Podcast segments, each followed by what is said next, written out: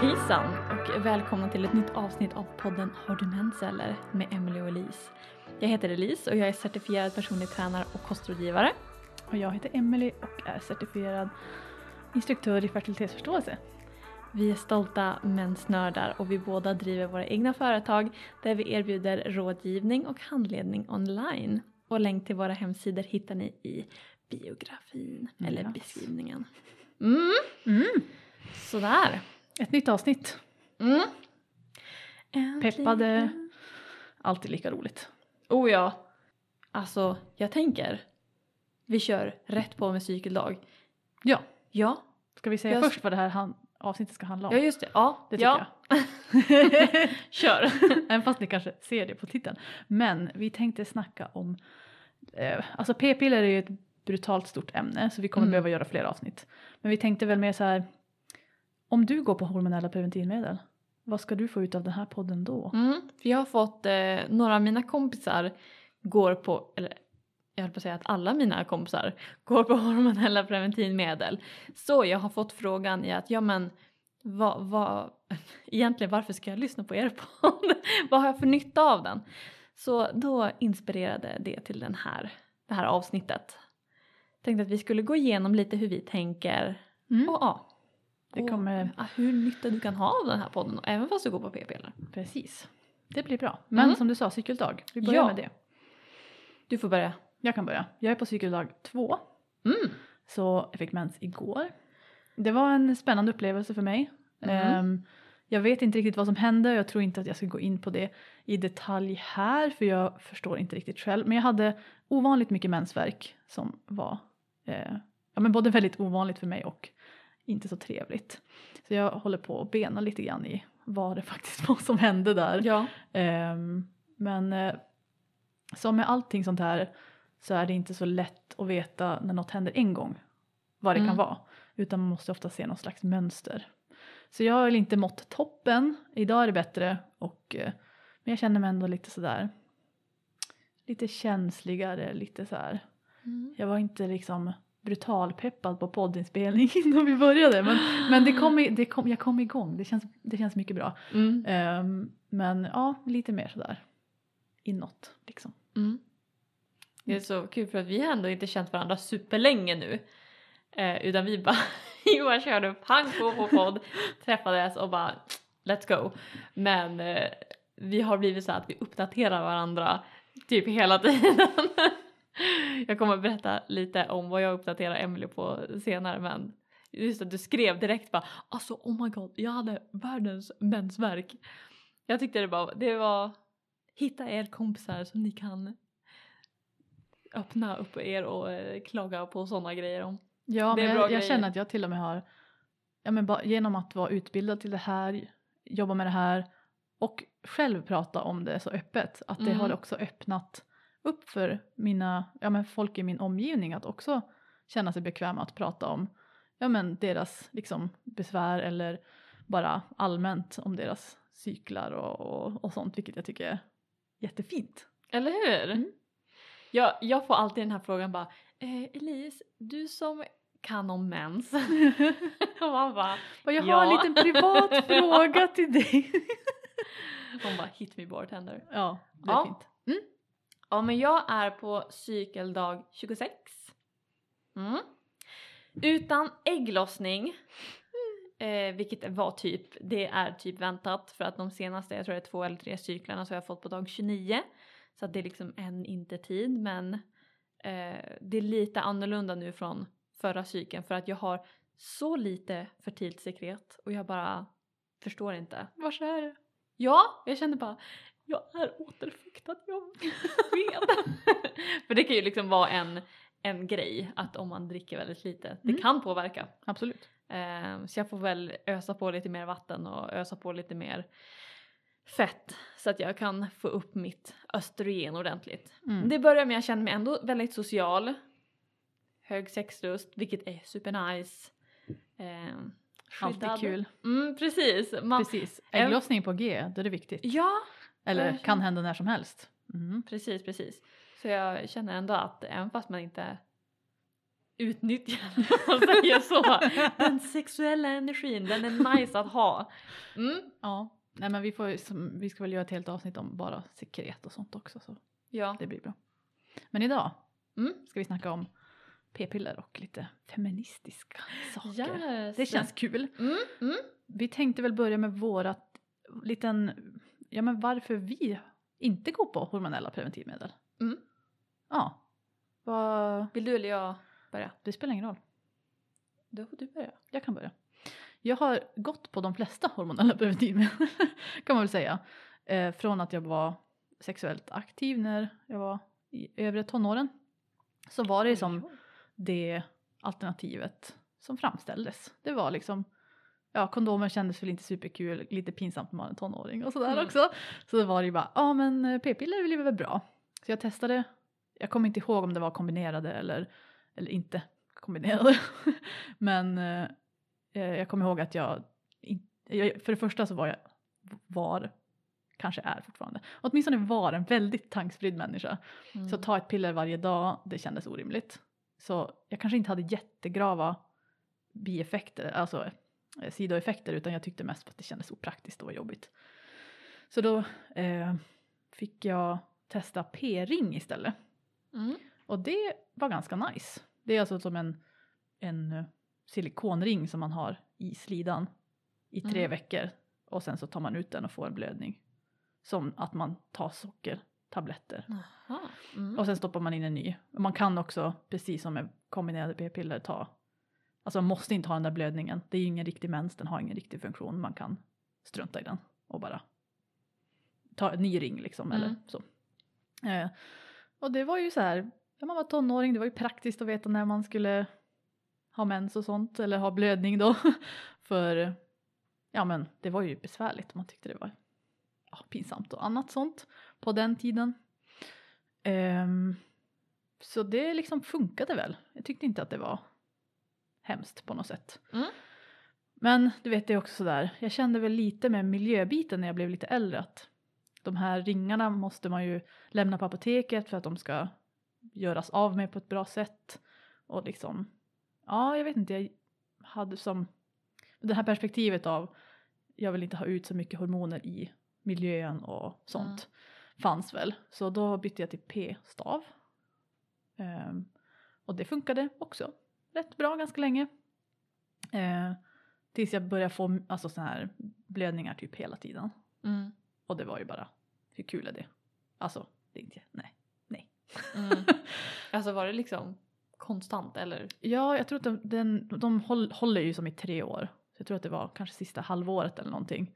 Som jag bara började få spottings. Ja men nästan hela, varje dag. Så efter någon månad gav jag ju Mm. upp och tog ut den där.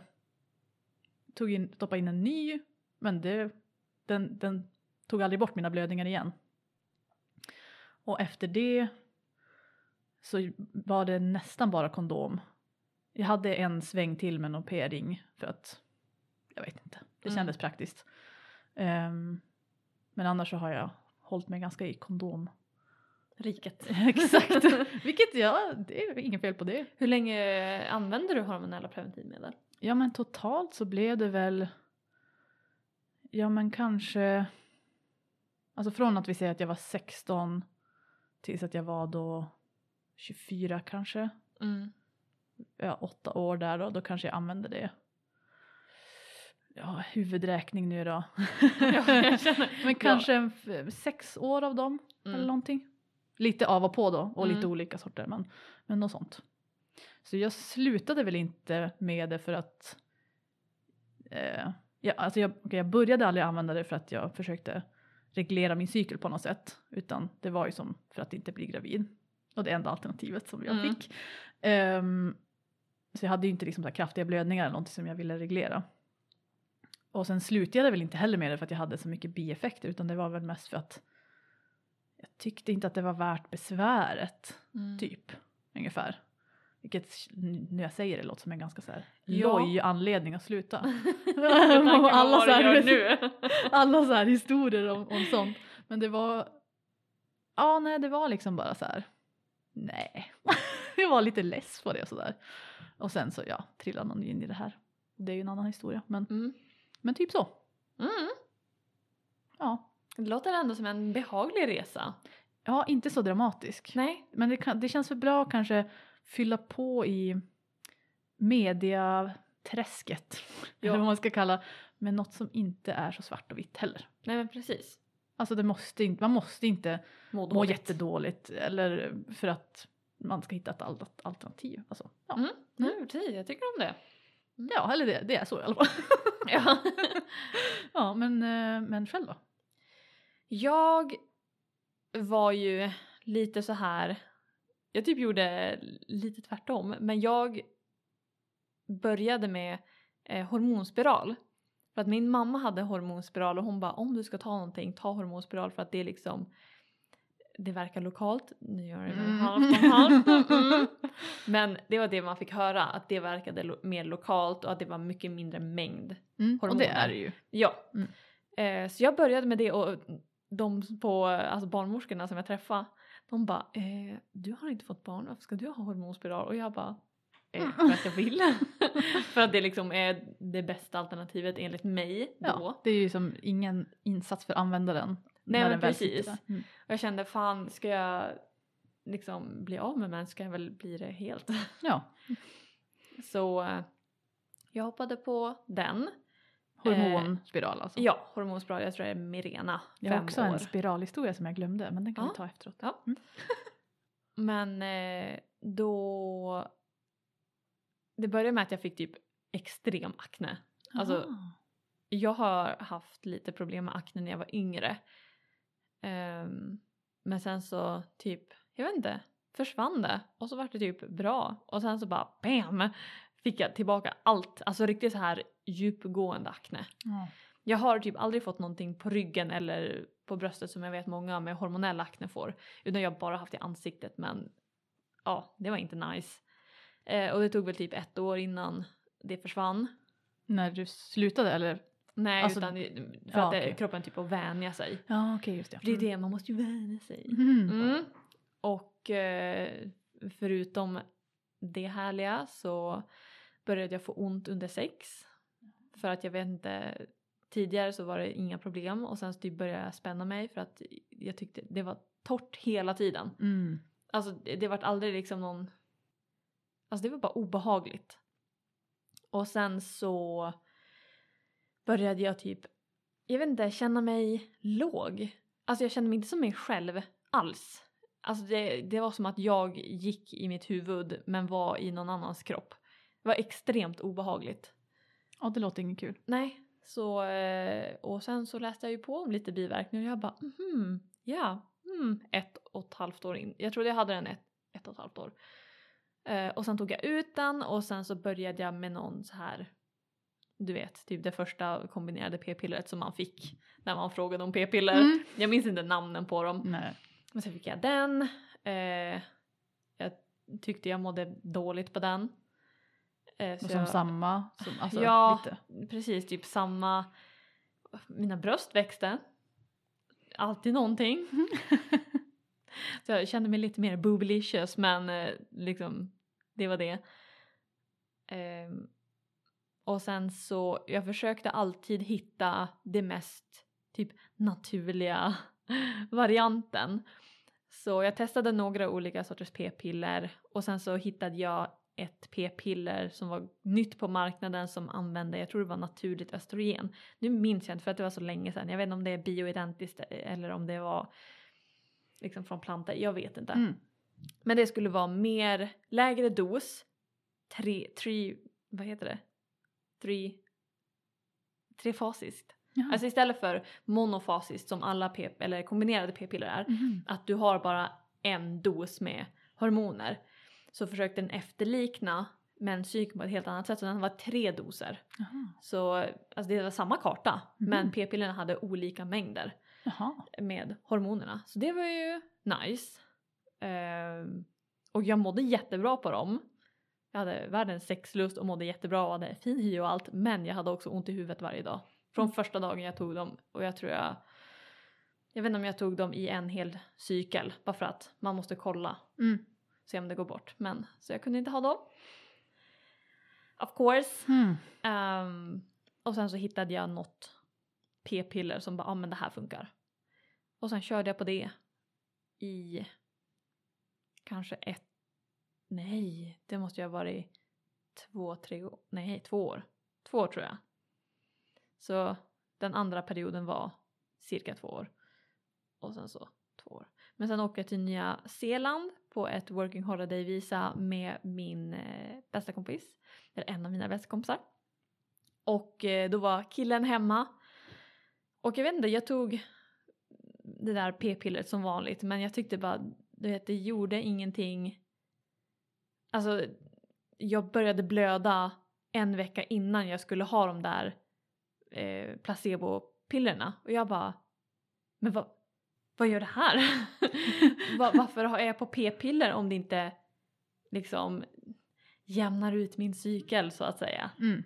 Och jag, det kändes så onödigt och sen har jag samtidigt börjat komma in i det här men jag vill inte ta hormoner, jag mår så dåligt på dem för att jag mådde fortfarande inte bra. Alltså jag hade fortfarande jag, ingen sexlust whatsoever typ.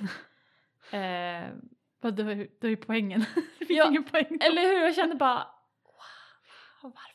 Mm. Men och Men då var det ändå så att någon, någon slags idé om, om hur kommer jag må utan? Typ. Ja, och jag visste att innan jag hoppade på hela den här PEP eller hormonella preventivmedel-trappan så mådde jag jättebra. Alltså jag hade ändå jämna cyklar. Eh, om än de var längre så hade jag jämna cyklar, jag hade sexlust, jag hade liksom ja, allt det, det braiga Mm. med att ha en menscykel typ. Och nu hade jag inte det utan jag mådde bara piss och bara så det var bara inte nice och eh, då försökte jag forska lite på men vad finns det för alternativ? Och du vet jag var inne på alla de här, eh, det finns ju, vad heter det, Pessar, Ja, mm. mm, sådana. Hur man kan använda någonting annat än bara kondom för jag tyckte det kändes så jobbigt med kondom för att dels eh, man har ju inte använt det så man bara hur fungerar de ens? och sen så att det slängs så mycket Mm. och man ska använda det varje gång. Ja, absolut. Eh, för mig i alla fall var det en liksom, deal. Så jag letade och letade och letade och letade och det fanns ingenting. Jag försökte hitta naturligt preventivmedel, söka på det. Det kom upp Daisy, tror jag det var.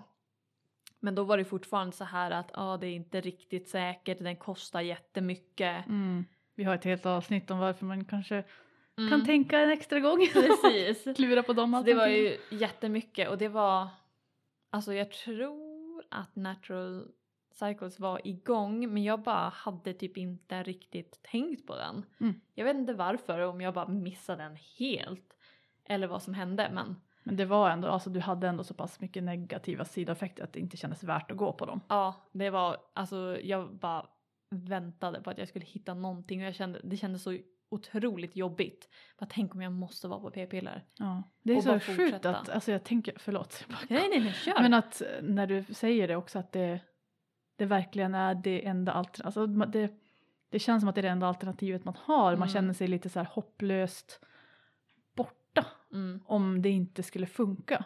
Alltså Ja. så här, vad gör jag då? Ja, det var ju så jag kände. Verkligen. Alltså helt, typ inte panikslagen ska jag säga för att killen var ändå hemma där men alltså ändå lite grann. Så jag var så stressad över att tänk om jag måste vara på det här Mm. och jag mår så här. För jag, jag bara visste, jag kände det in i benmärgen att det här är inte så jag ska må. Mm. Det här är inte så det ska vara. Eh, så sen när jag var där i Nya Zeeland då blev det en tid när jag bodde själv på vandrarhem eh, och jobbade. Och när jag var där mitt i så här, ett vandrarhem och bara hittade typ fem. Jag tror det var liksom Mm. det som... Ja, Jag tror du nämnde det i våran Mm, Hitta precis. fem. Ja. Hittade jag det och jag bara efter typ någon vecka bara, jag tror inte ens någon vecka utan jag bara hittar och bara, jag fan kör. Mm. Jag ser mig bara hur du så här, så här kastar ut p-pillerkartan så här åt Ja men skogen. alltså, det var sjukt läskigt ja. att bara sluta med det Mm. och inte veta för att jag hade ju inget, alltså jag hade inte pengar till att köpa någonting. jag, hade, jag kunde inte beställa någonting från internet.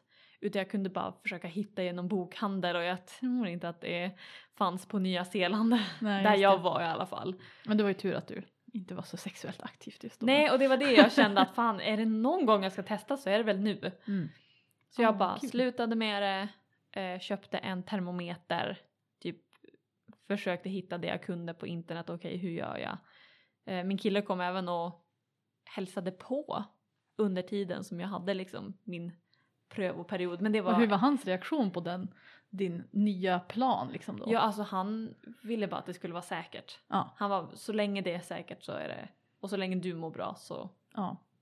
Men det var ju jättesvårt i början för att man bara liksom, jag hade ju ingenting ja men att vara själv, självlärd så är ju, alltså det tar ju mycket effort att Ja. hitta all information och Det tar våga. onödigt mycket tid egentligen nu när jag tänker tillbaka. Så det skulle egentligen bara ha varit bättre ifall jag köpte en bok direkt. Men som sagt, omständigheterna gjorde att det gick inte. Mm. Men då har vi Ja. ändå ganska olika, eh, i, ja men varför vi slutade liksom. Mm. Det är spännande. Mm. Men vad, vad glad jag blir liksom att du har hittat något som funkar bättre nu. Oh ja. Oh ja. För det är ju som, om det nu inte är tydligt så är det ju våran eh, idé med det här att liksom sprida kunskap för att folk ska kunna göra informerade val. Mm. Att jag tror inte att det finns något, någon metod som skulle funka för alla. Nej, och det är som, ja men p- du kunde ju ha fortsatt på p-piller Ja, alltså det hur var länge inte som liksom... helst om du hade bara, nej men det här funkar. Ja. Du kände inga, jag har en kompis som inte känner något alls. Nej. Alltså symptom Alltså det funkar ju något. superbra för vissa. Mm. Och ja men, alltså visst, det, för mig var det ju kanske inte de anledningarna till att jag slutade då, utan jag hade väl liksom andra värderingar som Mm. jag eh, prioriterade då. Eh, så att det, beror ju alltid på vad man, vad man själv känner för Mm. och det är det som är fint. Att säga, ja men för mig var det viktigt att också då när jag insåg hur liksom miljöeffekter till exempel av det, för jag läste ju biologprogrammet och Mm. Då var det, kände jag, jaha okej men, men det här kanske inte jag vill bidra till och ja men typ sånt där. Det finns ju många aspekter och, och tänka på. En del saker är inte viktiga för vissa och en del är jätteviktiga för andra. Och så. Mm. Mm. Verkligen. Ja. Men ehm, ska vi gå in på då vad, vad p-piller faktiskt är, vad det gör? Ja, vi tänkte förklara lite enkelt. Eh, Alltså vi har ju, vi länkar lite resurser i beskrivningen som går in på det här lite mer i detalj. För det är ju liksom en, ett stort ämne och det finns ju massa olika varianter och vi kommer väl liksom, vad säger man, sammanfatta och förenkla lite för, mm. för, att, för sakens skull höll jag på att säga. Men ehm, ja, men vad är då Vad är det Liksom. p-piller gör egentligen? Ja. För att vill jag svara på. Ja. Lite enkelt för att det är oftast då man kommer till, ja men som jag var 17 när jag började med p-piller, tror jag i alla fall. Ehm, och då är det ju svårt att veta om ingen berättar att okej så här fungerar de egentligen och det här är hur de påverkar kroppen. För det är så här, jag vill inte bli gravid, okej ta dem. Mm. Alltså lite så. Man bara, okej och vad gör de? Men enkelt förklarat så brukar jag säga att p-piller stänger ner kommunikationen mellan hypofysen och äggstockarna. För hypofysen och äggstockarna, när de pratar med varandra, det är så vi får en ökning i FSH, alltså follikelstimulerande hormon som mognar äggen. Och det är även de som producerar östrogen och säger till äggstockarna att producera östrogen. Samtidigt som det är även de som säger till att okej nu ska LH, um, vilket är, gud jag kan inte säga det på svenska, lut, luteiniserande hormon. Ja, eh, som kickar igång ägglossningen liksom. Det är Så- som man, ja, man stoppar helt enkelt kommunikationen mellan hjärnan och äggstockarna. Mm. Eller ja, förhindrar den åtminstone gravt. Ja men precis. Mm. Och det är väl det som är det enklaste förklaringen tänker jag. Mm. Men det är inte många som vet det. De tänker bara, ja men okej, jag Mm. blir inte gravid. Ja men det är för att. Mm. Och det är ju också, jag menar eftersom att man kan inte bli gravid utan ägglossning så det är väl ett rimligt sätt att, och, alltså om man tänker rent så här logiskt på att ska vi inte ha, ha barn så är det bra att stoppa ägglossningen Mm. liksom. Men den gör ju också två saker till. Mm. Ehm, så för till exempel ehm, hormonella preventivmedel som bara innehåller eh, gulkroppshormon eller gestagener som är eh, låtsas progesteron. Mm. Låtsas gulkroppshormon. Exakt, det är alltså eftersom att gulkroppen är det som är äggskalet eller det som follikel, det som är kvar efter ägglossningen, den blir gulkropp och producerar progesteron i vanliga fall. Så det är väl därför man kallar det för det men det blir Mm. ganska vilseledande för att du Ja. får ju aldrig någon gulkropp om det inte är ägglossning. Mm. Hur som helst. P-medel som bara har ehm, gestagener, då kan man faktiskt ha ägglossning ändå. Mm. Och då tänker man, jaha, kommer jag bli gravid då eller? Men då tunnar det ut livmoderslemhinnan. För man Mm. behöver ha ett visst, en viss tjocklek på den för att man faktiskt ska kunna bli gravid. Mm. För att ägget ska liksom fastna där och gosa in sig helt enkelt. Precis. Så för på de här, ehm, man kan ändå ha upp till liksom en 30 till 60 procentig chans att få ägglossning på de här Mm. medlen. Men då är det ju då att livmoderslemhinnan är för tunn och att du, den också ändrar sekretproduktionen. Så det finns ju flera olika typer av sådana här kryptor i, i livmodertappen som producerar sekret. Och en av dem heter G-typ. Mm. Och det är de som gör eh, att det blir en plugg. Alltså som stoppar spermier från att komma in. Det blir som ett galler typ. Och det händer ju under lutealfasen i vanliga fall också under progesteron. Men eh, så de, det stoppar också rent fysiskt spermier för att komma Mm. upp i livmodern. Så det har ju som de tre Mm. effekterna då. Mm. Så det är det det liksom gör. Ja, Rent. rent fysiologiskt Exakt. liksom. Mm. Men det är ju som vi har sagt nu då så är ju inte det är ju inte riktiga hormoner. Alltså det är inte Mm. det är ju faktiskt inte bara syntetiska som att de är gjorda i labb utan de är ju faktiskt inte de ser inte liksom rent molekylärt ut som våra egna hormoner. Nej men precis, de är inte bioidentiska. Exakt. Så de har inte samma effekt som våra egna hormoner har. Som till exempel progesteron har ju många positiva hälsoeffekter Mm. som då inte gestagener har. Mm. Och vi, ehm, Jenny Kos eh, som är justisinstruktör och influencer har skrivit jätte, jättebra blogginlägg Mm. om både progesteron och gestagener som vi kommer länka till om ni vill läsa mer. Det är väldigt intressant. Ja, jättespännande. Så det är liksom eh, fuskhormoner som vi tar. Och Ja men precis. Ja, nej men det är så det funkar. I alla fall. Mm. Och då kommer vi väl tillbaks till den här grejen som, som Är frågan i avsnittet bara, exakt, vad gör man Vad om gör man vill då? kartlägga sin cykel då? Mm. Kan man göra det om man går på de här medlen? Mm. Ja. Det är väl lite så här, ja fast Nej. ja. typ. Mm. Alltså, det... det- är beroende på och det beroende på om man ser, alltså om det är värt. Ja. För om man går på kombinerade p-piller med både eh, fake östrogen kallar jag det nu Mm. och fake progesteron. Eh, då kan man inte det. För att ett, eh, det fertila sekretet finns inte. Eller är det bara samma hela tiden? Precis. Och du kan inte se en temperaturförändring. Så du kan ing- inte öppna någon fertil fas för att du har ingen. Nej. Och du kan inte stänga den fertila fasen för du har ingen. Um, så simple as that. Men Alltså precis, du kan ju kartlägga alltså saker som eh, om, alltså om du vill kanske bättre förstå eh, möjliga biverkningar kan du Mm. ändå kartlägga eh, saker som ömma bröst eller huvudvärk och träning. Alltså alla sådana, vad ska man säga, habit tracking kan man ju Mm. såklart hålla på med ändå. Men, eh, men rent de här biomarkörerna som vi pratar om för att för fertilitetsförståelse, den eh, krasst sett så, Mm. så kommer de nog inte ge dig så mycket information alls. Nej.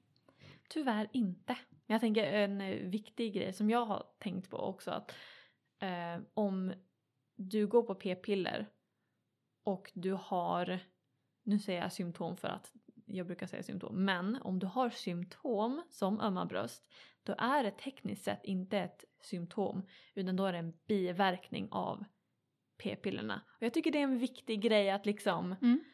att nämna för att det är många som bara åh nu har jag mensvärk, ja men går du på p-piller, ja men då är det ett, en biverkning av p-pillret. Mm. Det är inte som din kropp fungerar faktiskt. Mm, ja men det är viktigt vilka ord man använder och sånt där. Det tycker jag absolut. Ja, jag har tjatat så mycket på mina kompisar bara ni har inte mens, ni har mellan, eller ni har bortfallsblödning. Ja, precis.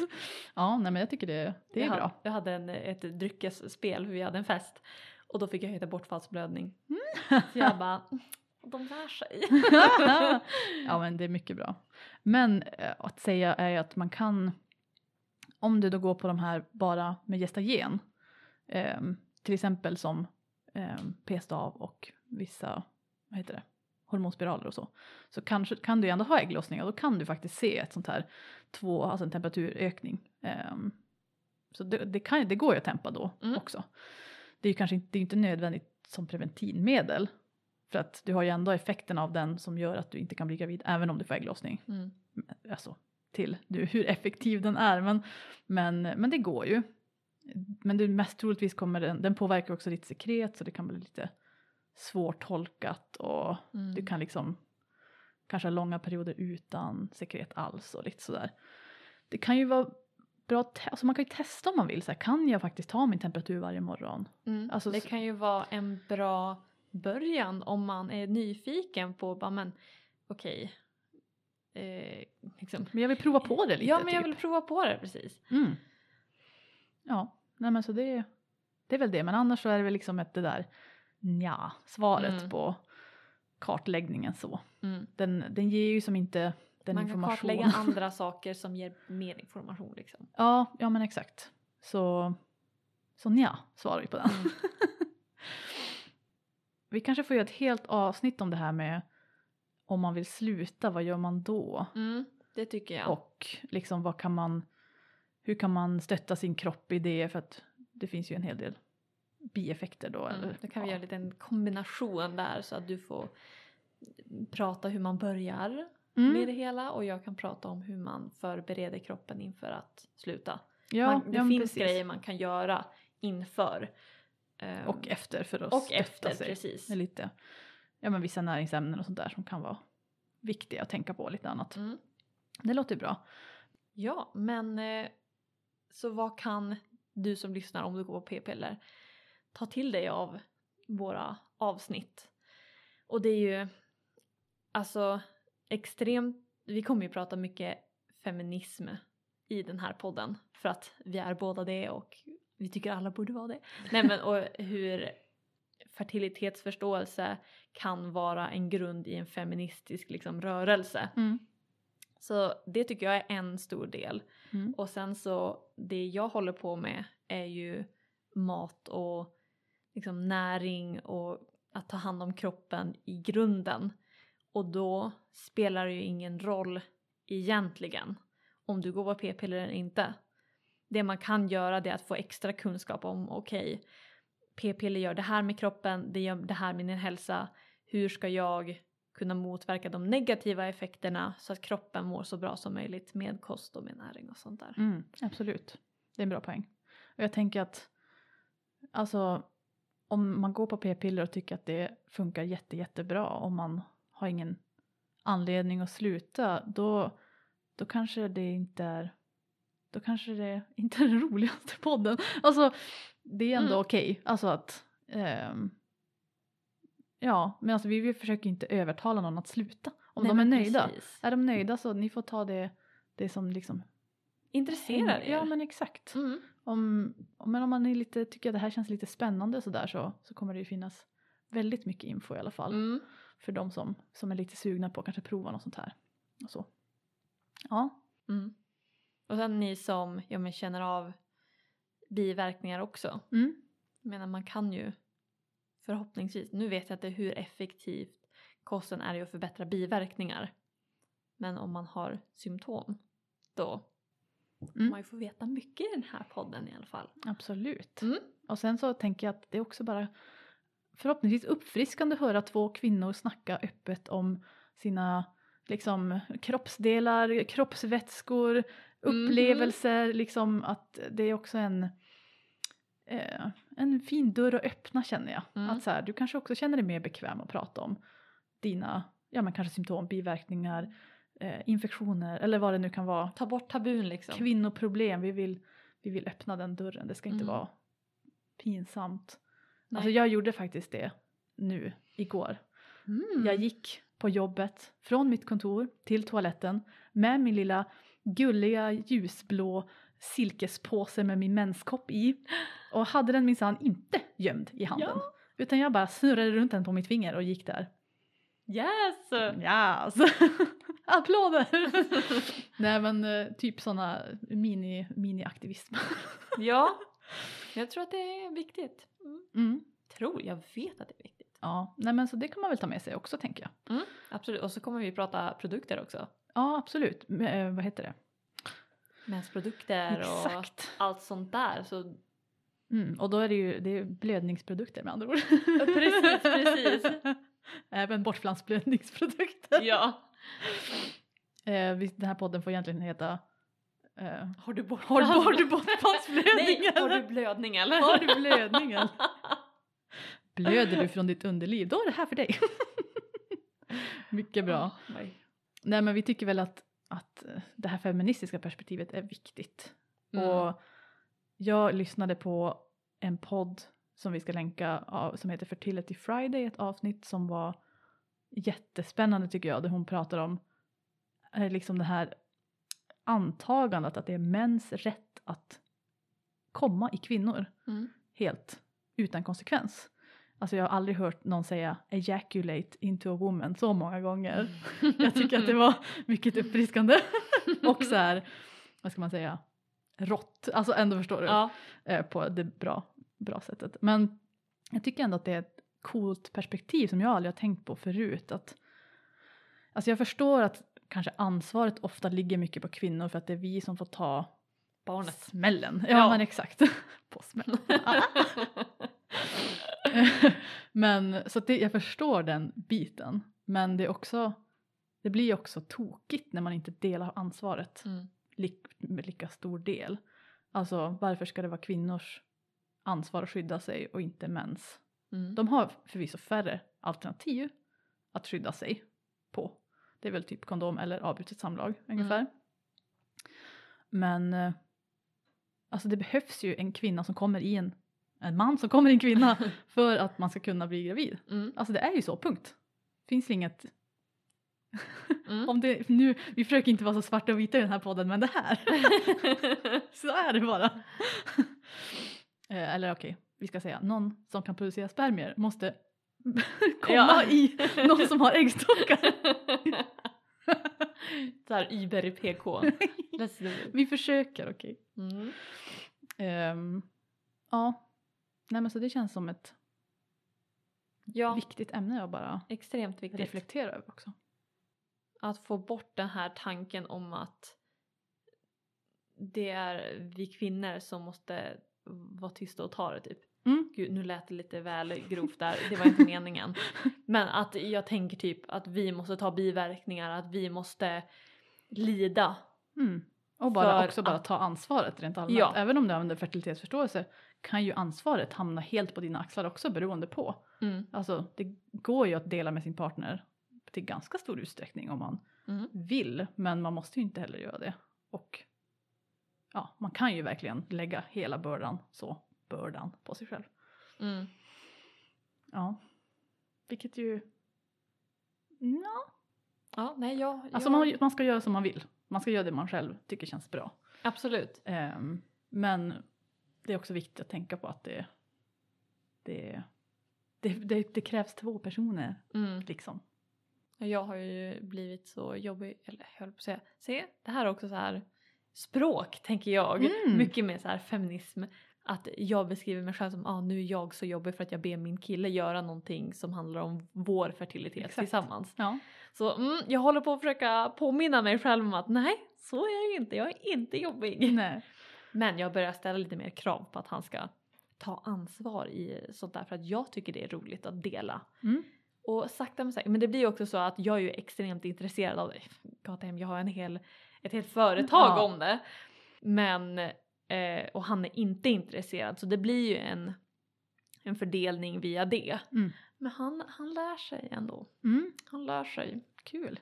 Så han brukar säga bara, "Ah, är du i lutealfasen nu? Jaha, så jag bara, ja, kolla." mycket bra. Ja, kul. men sen tycker jag också det här med anledningen till, ja vi kan väl slida in på lite så här, ja men om vi kan svara på, är vi emot p-piller eller någonting? För jag Mm. tror det kan uppfattas som det i våra avsnitt i hur vi pratar om p-piller. Och om jag får svara för mig själv så är det väl lite så här både och. Mm. För jag är inte emot vad det ska användas till. Alltså att jag är inte emot att det kan användas som preventiv, preventivmedel eh, för att inte bli gravid. Det jag är emot dock är att använda p-piller som någon slags mirakelkur för alla kvinnoproblem. Du vet en kvinna kommer och bara jag har mensvärk, ta p-piller. Ja, jag har huvudvärk under ägglossning, ta p-piller. Jag har humörsvängar, ja ta p-piller. Du vet allting som en kvinna kan klaga på, bara ja p-piller. Bara så här, döva symptomen istället för Precis. att fixa problemet. Lägga Ja. plåster på det.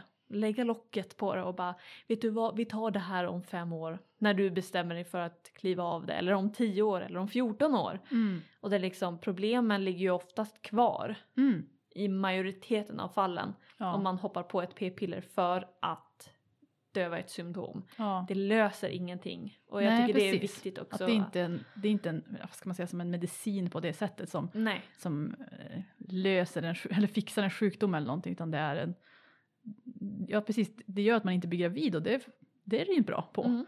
Eh, och det är det det ska användas till också, jag håller, håller helt med.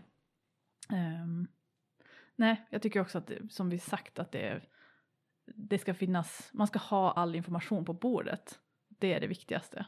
Jag vill inte att kvinnor inte ska veta att det finns altern, alternativ också. Det är väl det som är. Mm. Sen vad de väljer, det, jag är helt för att alla ska göra precis som de vill. Mm. Eh, men, men inte bara, alltså det är inte ett val om man inte har mer än ett alternativ. Nej men precis och det är väl det som är att jag är för informerat val och valmöjligheter. Och inte förminska kvinnoproblem då, eller vad man ska Nej. säga. Problem som kan, om man har obalanser och, och andra alltså faktiska problem som är relaterade till ens hormoner och cykel, att det inte förminskas eller bara ska plåstras över med Och så den p-piller. här, det här språket i att vi har vant oss att vi ska typ lida. Mm. Eh, jag, jag fnäste till på min kompis för hon bara ja men jag, jag är så trött under mensen och det kan man vara men hon bara jag mår jätteilla jag är jättetrött, jag orkar ingenting och jag har oftast jättemycket mensvärk och hon går på p-piller. Och, jag, och hon bara ja men det är bara så det är.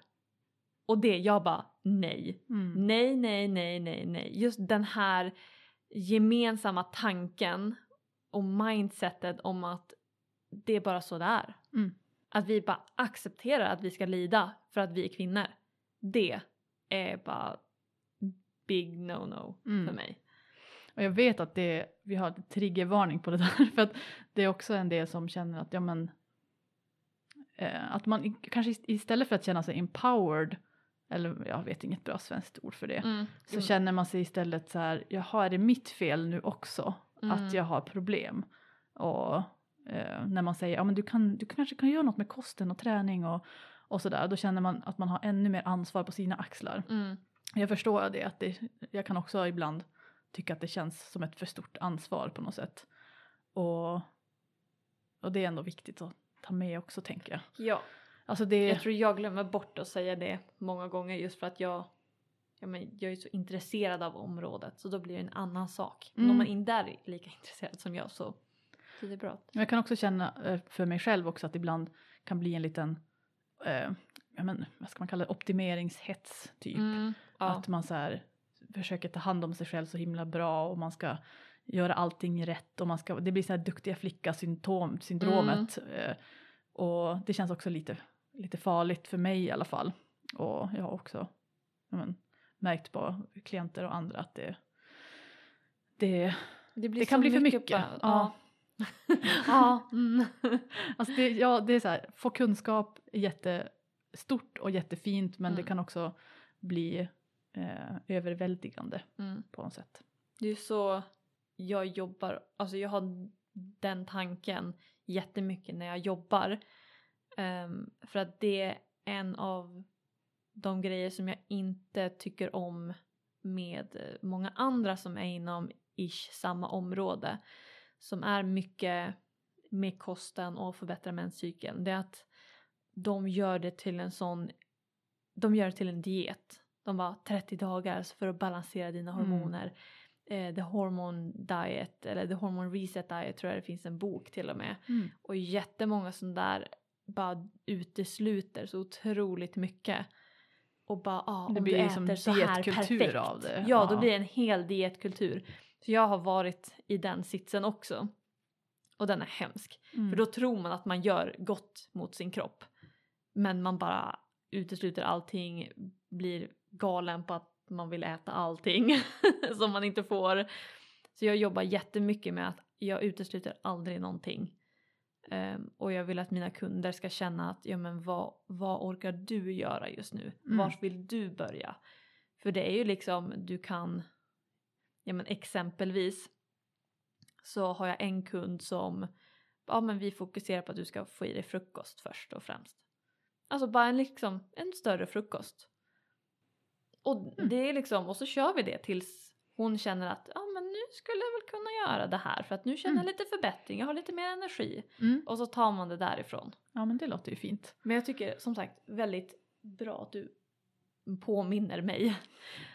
Ja men det, det, alltså det är ju som en välmening. Alltså det, man vill sprida sån här information för att det, man vill liksom ge kvinnor verktyg att, Mm. att kunna, ja men till exempel inte ha jätteont eller, Mm. eller vad det nu kan vara. Och, men det kan ju också precis bli för mycket och jag känner också att för min egen skull att jag också kan då falla ner i att jag ska fixa problem som inte ens finns. Mm. Alltså jag kanske har, eh, eller jag, eller jag har sett det hos klienter också, att de, de har ägglossning, de har liksom regelbundna cykler, allt ser liksom bra ut. Alltså Mm. ingen har ju någon slags skolbokscykel, väldigt Mm. sällan. Men det finns inget, alltså vad ska man säga, apparent problem. Och då måste man kanske inte alltså göra så mycket grejer. Alltså det är okej också bara så här, det funkar nu. Det är Mm. okej. Alltså så här, Mm. backa lite från det här, åh vilket eh, supplement, vilka tillskott ska jag ta nu? Och, ehm, ja. Mm. Mm. Det är inget fel med att bara vara nöjd med hur det är just nu. Mm. Nej. Det är liksom, ja men har du en menscykel som du säger som är regelbunden och ja men då är det ju lugnt liksom. Ja. Då behöver man ju inte känna pressen från, i alla fall utifrån. Nej. Jag tycker det finns en, för mig själv också, en viktig skillnad mellan Ja, men som du säger med press och med så här nyfikenhet. Mm. men som jag tänkte, som när vi, spelade, när vi pratade om träning också Mm. tidigare. Att det känner jag så här, wow, åh kul, kan man träna till sin cykel? Då känner jag, alltså det känns, det kommer från ett nyfiket ställe, inte ett så här, jaha, mm, jag ska optimera min eh, träning och då ska jag Mm. träna så här och så här och så här eller någonting, eller jag borde göra det och det, utan man bara, åh jag kan prova det, undrar hur det kommer kännas. Mm. Alltså det känns som ett, det känns bättre för mig att tänka mer så. Mm. Ja.